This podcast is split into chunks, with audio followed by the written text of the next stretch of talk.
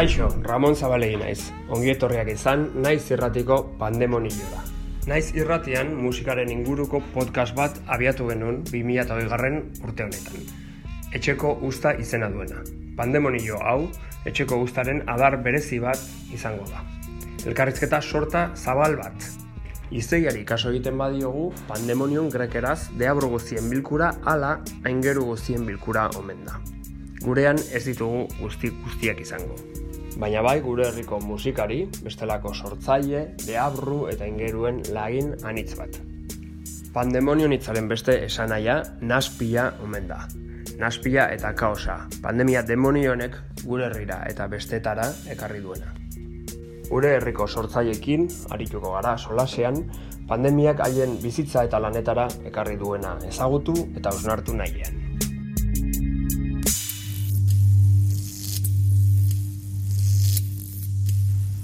Naiz irratian zaudete eta hau pandemonioa da.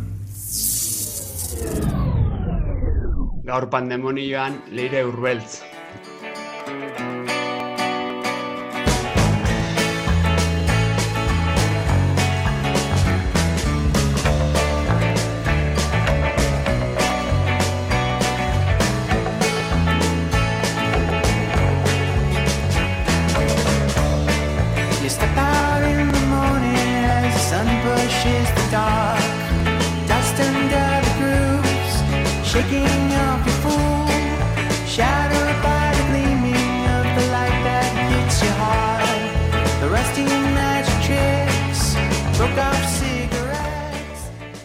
Kaixo, leire.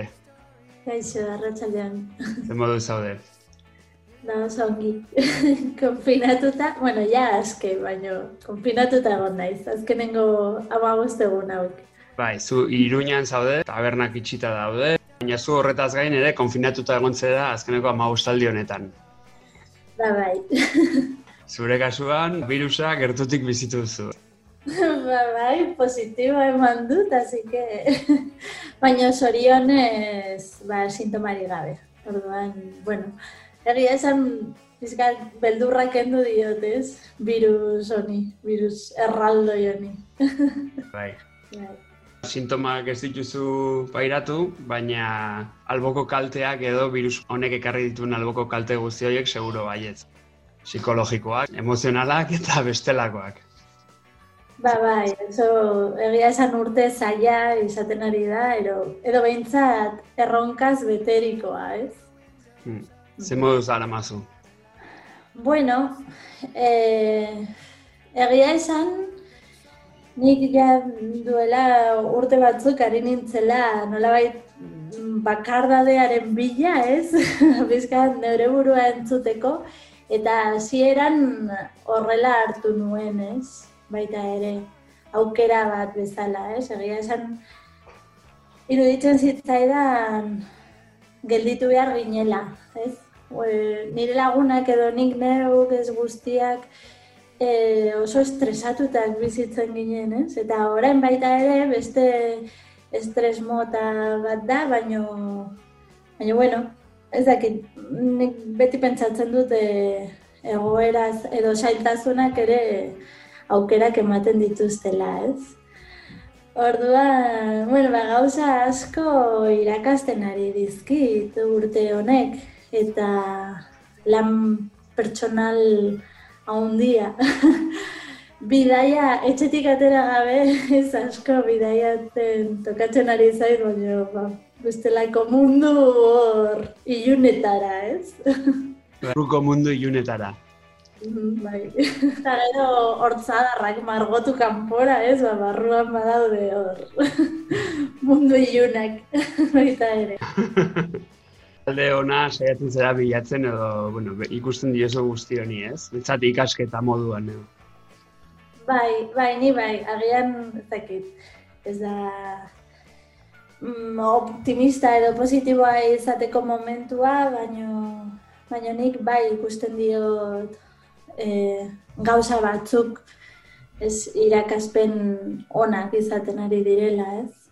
Nire, bueno, nire esperientziatik ba, zuzen, ba, gian orain pizkarat ematen dizentzazia neure burua argitu behar du dela eta pizka bat gehiago zuzendu, gehiago aukeratu, ez, dela momentua, ba, benetan egin nahi ditudan gauzak egiteko, ez, Bai, gauza positiboak ateratzen ari dizkiot, baino baita ere ba agian antsietate puntu batekin, ez?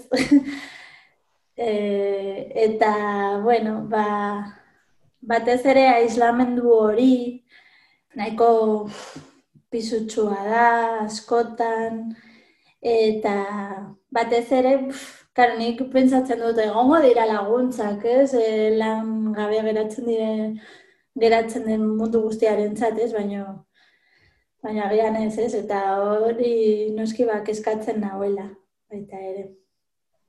Bai, lanare buruz eh, hasi zerala, bueno, zu ilustratzailea zera, eta uarte arte garaikide zentroan lan egiten zenuen, baina erabaki zenuen ilustrazioari ematea denbora guzia, eta nolako eragina izan du guzti honek, eh, zure proiektuetan, zure ogibidean.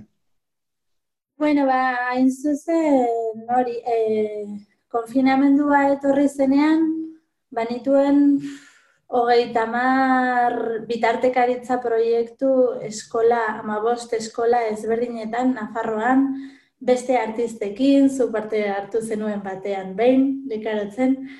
Eta egia asko gustatzen zaidan lana da hori, baina zazpi urte zegoen naiz horretan, eta nola bait, bai txierarekin ikusi nuen hori zela, ba nire esfortzu handiena eramaten zuen lan multzoa, ez? Baina benetan nire bokazioa dela ba, margotzea eta marrastea, ez? Eta mm bai, eskerronekoa naiz, eren alata guztiz ere, sentitzen dut mm, nire marraskilari bokazio hori edo ikusi dela edo nartu didazuela guztiok, baino egia esan egon naiz lanean beste gauza batetan, ez? Eta konfinamenduarekin izan zen, como, bueno, aldatuko dut pizka bat ordena, ez?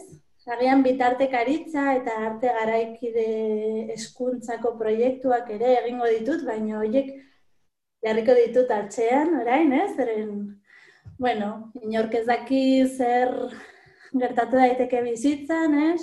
Egun batetan zaude lasai, beste batean ba, pandemia mundial bat, orduan da orain edo inoiz, ez? Benetan egin behar ditu, ez? Benetan gure grinak ba, asetu behar ditugu orain, ez?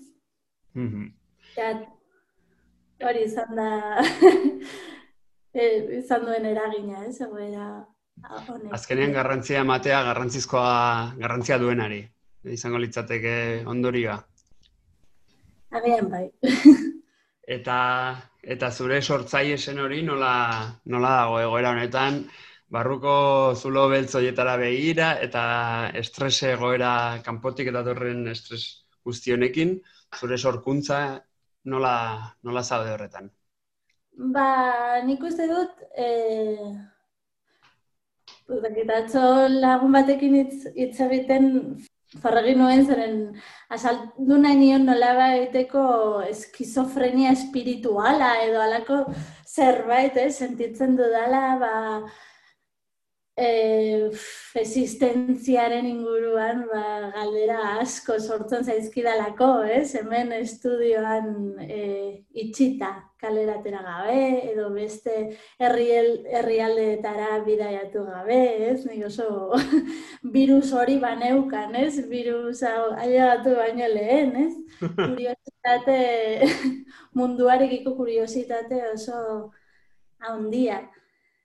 E, orduan, bueno, ba, bai, erronka, erronka bat da, hemen geldirik egotea, baino nik uste dut baita ere, e, kalera ateratzeko grina hori somatzen ari dela eta aurten, ba, agian inoiz ez nuen pentsatu, baino muralismoan ari naiz lanean pila bat, eta baditut, bai, proiektu batzuk orain prestatzen ari ditut, ba, kalean margotzeko, ahalik eta hundien, ez, gero eta hundiago, Eta hori nik uste baita ere ez baldin ba, balego itxiera hau, bagian ez zela gertatuko nire lanetan, ezakit.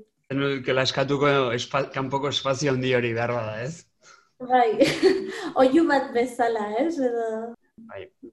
Ba, sorkuntzaldetik ongi, orduan, gogoekin eta kaleratetzeko gogoiekin, baina ekonomiari begiratzen badiogu eta zure kasu pertsonalean eta orokorrean ere, kulturgintzari Euskal Herrian, e, goera ez da erresa, nola ikusten duzu? Bueno, ba, egon gara Nafar gobernuko em, kultur kontseilariarekin, bileretan, konfinamendu guztian zehar, eta oso oso gogorra izan zen. Gainera hor egon nintzen pizka bueno, presentzia handiarekin eztabaida hoietan eta uf, udaran bukatu nuen en plan de, ni ba no hemendik. bai, itxaropen gutxi neukan. Baina uste dut nengoela psikologikoki oso nekatuta, joan nintzen Mediterraneo aldera hilabete bat, eta, bueno, orain, ba, ikusten dut, ez dakit, orainik badaukat itxaropen puntu bat, ez? Baino, nik uste dut politikariek ez dutela gure lana esagutzen, benetan. Osea, ez dakiten nola nolakoa den ba, artista baten eguneroko bizitza, ez dakite autonomo bat bezala ba, ulertzen gaituzte, baina guk ez daukagu aurrezkiak ez edo inbertsioak egiteko gure proiektuetan, edo ez da ulertzen nola, nola lan egiten dugun, niretzako pizkat frustrantea da daukagula eredu nahiko bat hor mugaren bestaldean ez, e, non ulertzen da intermitentziaren gaia edo bestelako laguntzak dituztela hor frantzialdean eta eta hemen oraindik ez. Niretzako behintzat orain arte kaleratu dituzte laguntza guztietatik ez dut eskatu ez da bat, ez dira nire kasuistikarekin bat, ez dute bat egiten, osea, niretzako ez dira orain arte ezer baliogarririk atera, bakarrik lana. Eta lana ez gobernuak ematen didana, baizik eta pertsonak, ez? Komunitateak. Nik uste dut agian hori orain ikusten ari dela, edo konfinamenduan ikusi dela gizakiok e, arteari gabe oso bizitza miserablea daukagula. Ez behar ditugula irudiak, behar ditugula musika, behar ditugu filmak, liburuak, eta, eta hori, ba, ez dakit, adibidez, Katalunian edo Berlinen egoera honen ondorioz, e, ba, lehentasun bat bezala orain ulertzen da, artea. Mm -hmm. Hemen orain diko horri buruz ez, ez gaude hitz egiten, baino nik uste dut aldatu behar, aldatu behar dela, goitik. Baita ere nik uste dut oguk, agian, ba, horretan ere lan egin behar dugula eta pentsatu, a ber, pues, pues nola moldatuko garen, ez? Edo nola moldatu dezakegun gure lana momentu honetara, ez? Ba, ez nire kasuan, ba, muralena, bueno, ba, agian egoera, hau, ez baldin balego, ez nuke horretan pentsatuko, ez? Baino bilatu, osea, bilatu behar ditugu, baita ere ez dakit. Nola bai etxala lei, etxala trampa, ez? Como ea zer bururatzen zaigun eh. aurrera egiteko, ez? Osea, alde bietatik etorri behar da energian ikuste dut. Ez dakit nola, baina Zure mural horiek badira modu bat nolabait arteari emateko zentralidade bat edo ikusgarritasun bat, sentitzen duzuna ez duena eta beharko lukela. Bai, baita ere, nolabait iruditzen zait, agian ez naiz artista ez da ere, ez dut zergatik nire buruari, ez dut behar hori, ez, nire buruari artista naizela esatearen beharra. Baina ikusten dut, edo lehentasuna bat ematen diot, ba, moralari, orain, zeren ikusten dut bere funtzio soziala baita ere, oso ondo ez dakit egokitzen ari dela, ez? Eta joaten baldin banaiz herri batetara, ba, lau hilabete etxean atera gabe egon ondoren eta oso koloretsua den margolan bat egiten baldin badut horma handi batetan, nire, dortzen dira bizilagunak eta eskertzen dute, ez? Orduan nila hor, ezakit, horrekin, ba oso, ezakit, kontentatzen naiz asko, ez? Nola bai. Horrek badula bere garrantzia eta eta bide hori landu nahi duzu edo biatu behar dela. Bai, bilatu behar da. Bilatu behar da, ea, nik uste dut artistak oso garrantzitsuak garela krisi egoeretan, ez? Mm Eta eta gure gandik etorri behar dira baita ere ideiak, zailtasun guztien gainetik gauzak egiteko, zeren badugu gizarteari asko eskaintzeko, ez? Agian, agian ez super positivista, ez como, bajate de la parra, badaki, baina orain horrela da. Lengoan aditu nuen artearen definizio bat esaten zuela, ez dut e, seguraski ongi gogoratuko, baina un espazio de incertidumbre, incertidumbre edo ez jakintasun espazio bat, non norberaren barrukoa eta gure gandik kanpo dagoena topatu egiten diran edo talka egiten duten. Bueno, pixka hortik handi joa zuke aipatzen ari zen guztia, ez? Ezkenean kanpo munduarekin nola baita remantzeko eta eragiteko modu bat. Bai, bai, nik uste dut incertidumbre honek ezken nire bizitzan beti egon da. Eta ez baldin bada egon bilatu izan dut. Ez dakit oso ondo zer dela eta, ez? Agian lehen uste nuen oso inkonformista nahi zelako, zela, ez? Baina, ez dakit, nik uste dut ez jakintasun hori, ba, surfeatu egin behar dela eta ez naiz jarriko filosofatzen, ez? baina baditugu izatearen idei jakin eta estu asko eta ezken finean ikuste dut milak baldin bagara ba, onartu behar dugula ez, ez jakintasuna, ez? ez dakigu ez da zergatik gauden hemen, ez? orduan, ba, bueno, ba, etorriko da, etorri behar dena, eta harrera egingo dugu, edo, edo ez, ez dakit, ez dakit zer dagoen gero, ez da ere, baina, bueno. Nek behar bada humiltasuna ere ekarri dugu. Nik espero dut baiet, hori pentsatu nahi dut, bai.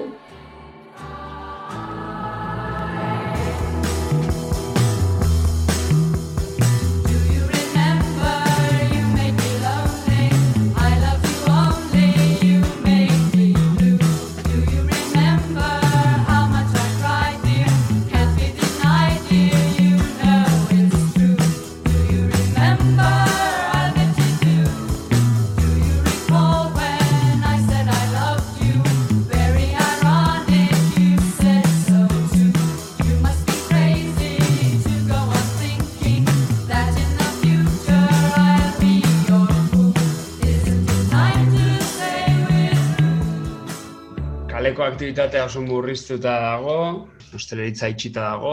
Guzti honek nola eragingo du gure harremanetan edo nola eragiten ari du maskarilla, distantzia fisikoa, gure espazioak eta desaktibatzea.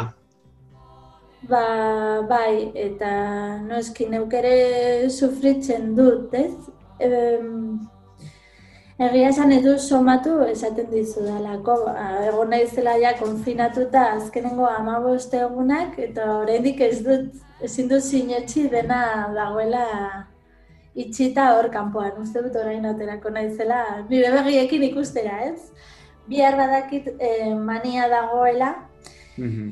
eta aterako naiz aberse energia, usten den, E, relazioen inguruan, ba, baita ere, nik uste dut hori izaten ari dela nire lan pertsonal astun eta agian gogorrena, ez?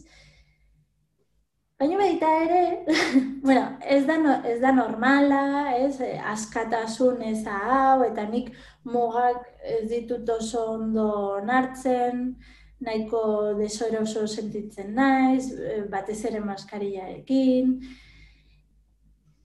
Baina baita ere, pentsatzen dut, frustrazio, beldur edo aserre horrek, energia bezala, baduela baita ere potentzialitate basortzaile bat, ez? Edo, zakit.